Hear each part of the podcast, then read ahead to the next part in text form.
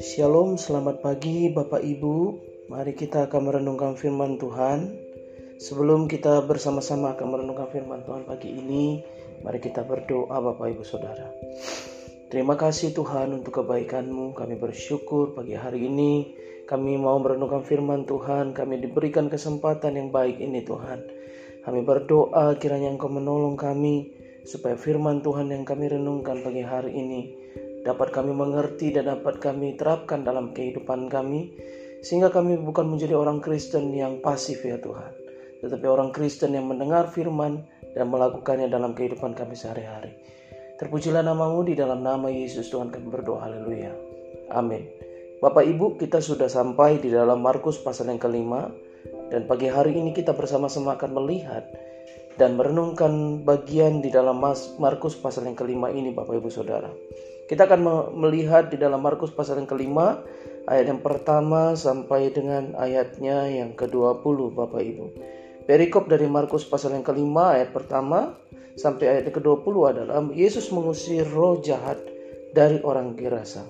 Ayat pertama dikatakan di sana, lalu sampai mereka di seberang danau di daerah orang Gerasa. Ayat yang kedua, baru saja Yesus turun dari perahu, datanglah seorang yang kerasukan roh jahat dari pekuburan menemui dia. Bapak Ibu kita mungkin bersama-sama dan Bapak Ibu semuanya pasti sudah pernah mendengarkan kisah tentang uh, bagaimana Yesus mengusir roh jahat dari orang Gerasa. Sebenarnya kisah ini tidak hanya muncul di dalam Markus pasal yang kelima ini Bapak Ibu, tetapi juga di dalam Matius pasal yang ke-8 dan juga Lukas pasal yang ke-8 kisah ini juga dituliskan Bapak Ibu Saudara. Dan bagian daripada kisah ini menceritakan tentang seorang yang sudah lama mengalami kerasukan roh jahat Bapak Ibu. Dan keadaannya sungguh menyedihkan. Karena dia selalu berjalan-jalan di pekuburan Bapak Ibu Saudara. Bahkan Bapak Ibu Saudara dia itu tinggal di daerah pekuburan. Kenapa dia tinggal di sana Bapak Ibu? Karena roh itu, roh jahat yang merasuki dia membawa dia ke sana. Dan di dalam ayat yang ketiga dikatakan Bapak Ibu bahwa orang itu diam di sana dan tidak ada seorang pun lagi yang sanggup mengikatnya sekalipun dengan rantai. Mengapa? Karena dalam ayat yang keempat dikatakan karena sudah sering ia dibelenggu dan dirantai tetapi rantainya diputuskannya dan dibelenggunya dimusnahkannya. Sehingga tidak ada seorang pun yang cukup kuat untuk menjinakkannya. Bahkan keadaannya juga Bapak Ibu siang malam ia berkeliaran di padang di, di pekuburan maksud saya dan di bukit-bukit sambil berteriak-teriak. Bahkan bukan hanya dia mengganggu uh, suasana di tempat itu Bapak Ibu Saudara, dia berkeliaran, dia berkeliaran di pekuburan, lalu kemudian di bukit-bukit dia berteriak-teriak, layaknya seperti orang gila Bapak Ibu. Dan dia memukul dirinya dengan batu. Jadi uh, dia mengalami kerasukan roh jahat yang akhirnya menyiksa dirinya Bapak Ibu Saudara. Lalu kemudian di dalam kisah ini dia ketika dia melihat Yesus, dia berlari untuk mendapatkan Yesus dan menyembah Yesus. Kenapa Bapak Ibu Saudara? Roh jahat yang ada di dalam diri orang ini membawa orang ini untuk untuk datang kepada Yesus dan menyembah kepada Yesus.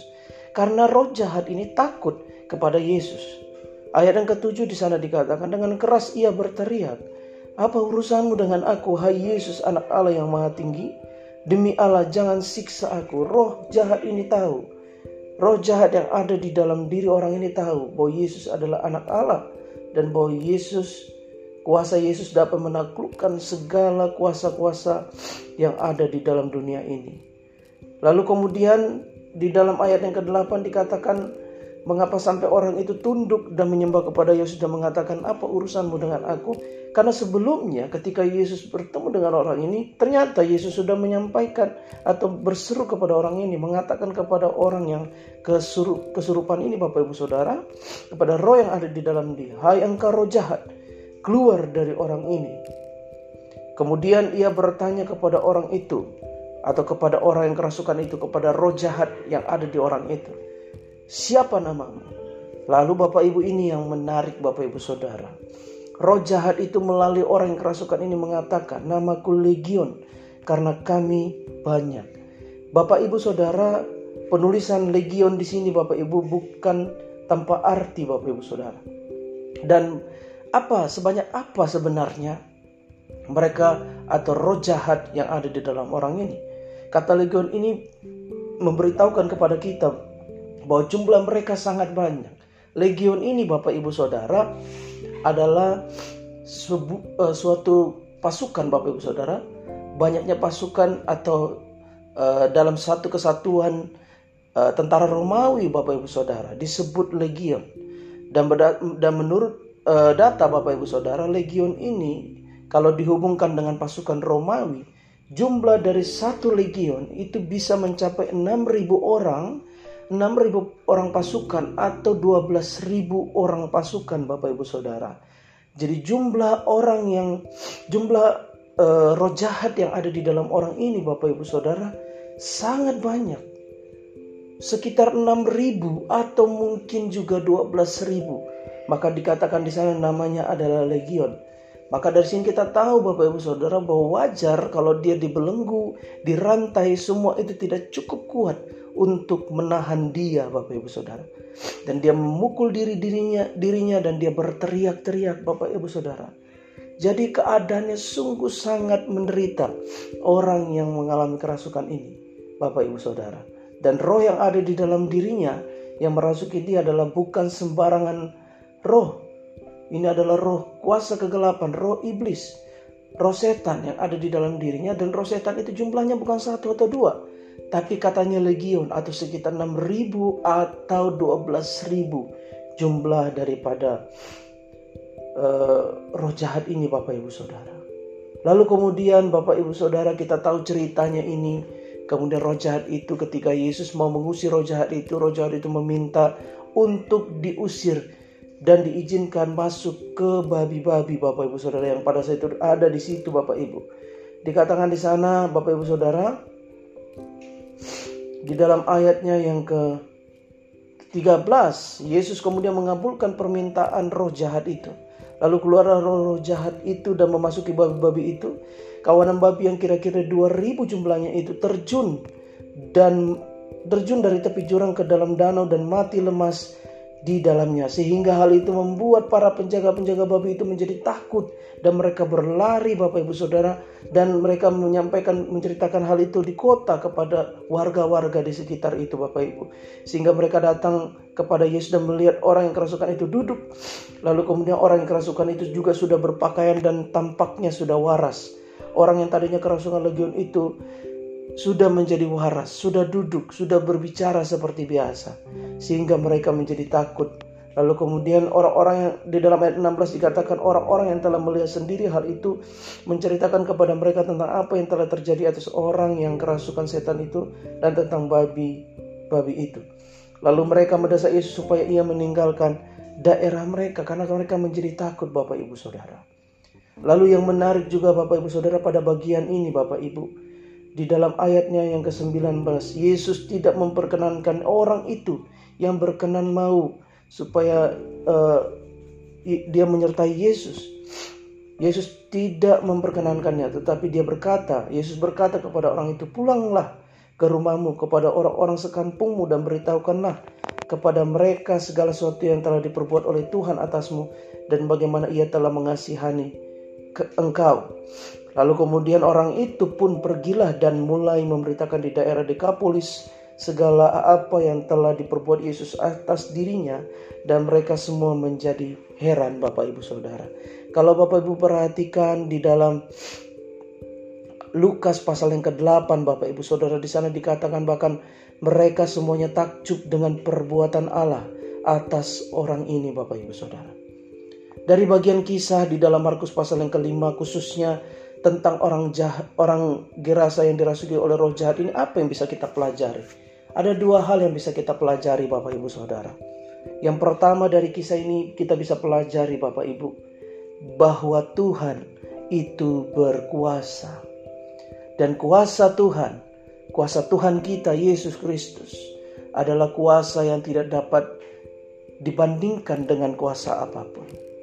Dan kuasa Tuhan kita, Tuhan Yesus, tidak dapat dibandingkan dengan kuasa roh jahat yang jumlahnya mungkin banyak Bapak Ibu Saudara. Kuasa Tuhan kita lebih besar daripada kuasa roh yang 6000 atau 12000 roh sekalipun Bapak Ibu Saudara.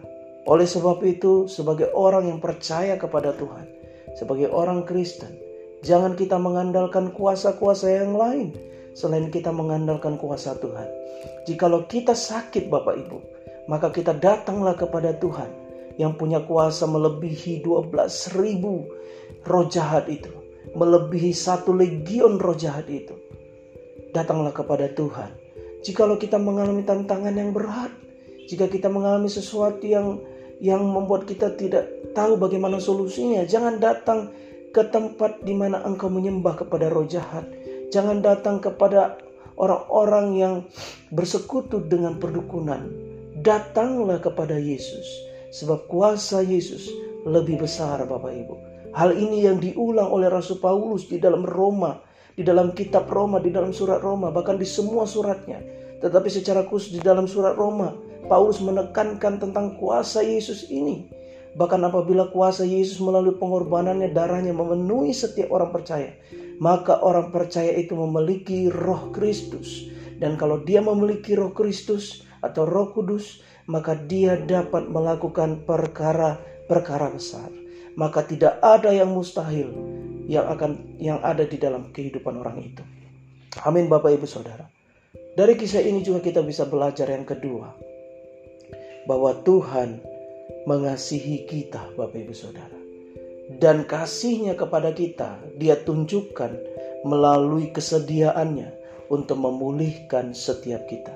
Apa pun masalahmu, apa pun penyakitmu, dia mau memulihkan kita. Seberat apa pun yang engkau dapat, yang engkau sedang alami hari-hari ini Bapak Ibu Saudara, dia mau memulihkan kita karena dia mengasihi kita dan dia mau karena dia mengasihi kita dan dia mau memulihkan kita supaya kita menjadi saksinya di mana pun kita berada Bapak Ibu Saudara. Kita harus menjadi saksinya Tuhan karena Tuhan mengasihi kita dan dia bersedia untuk memulihkan kita. Amin Bapak Ibu Saudara. Mari Bapak Ibu Saudara kita renungkan firman Tuhan dan mari kita bersama-sama melakukan firman Tuhan ini. Mari kita bersama-sama lebih lagi mempercayai Tuhan dalam kehidupan kita. Amin. Mari kita berdoa. Terima kasih ya Tuhan kami bersyukur pagi hari ini. Kami merenungkan firman-Mu. Kami belajar ya Tuhan bahwa tidak ada kuasa yang lebih besar daripada kuasamu ya Tuhan. Kami belajar bahwa Engkau mengasihi kami.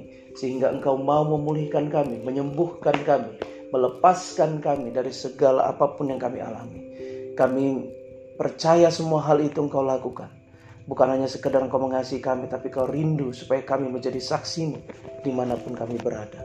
Seperti orang dirasa yang dirasuki roh jahat ini. Yang Tuhan pulihkan dan Tuhan utus menjadi saksi Tuhan. Melalui apa yang dialami. Terima kasih ya Tuhan. Kami bersyukur dan berdoa. Di dalam nama Yesus Tuhan. Haleluya. Amin.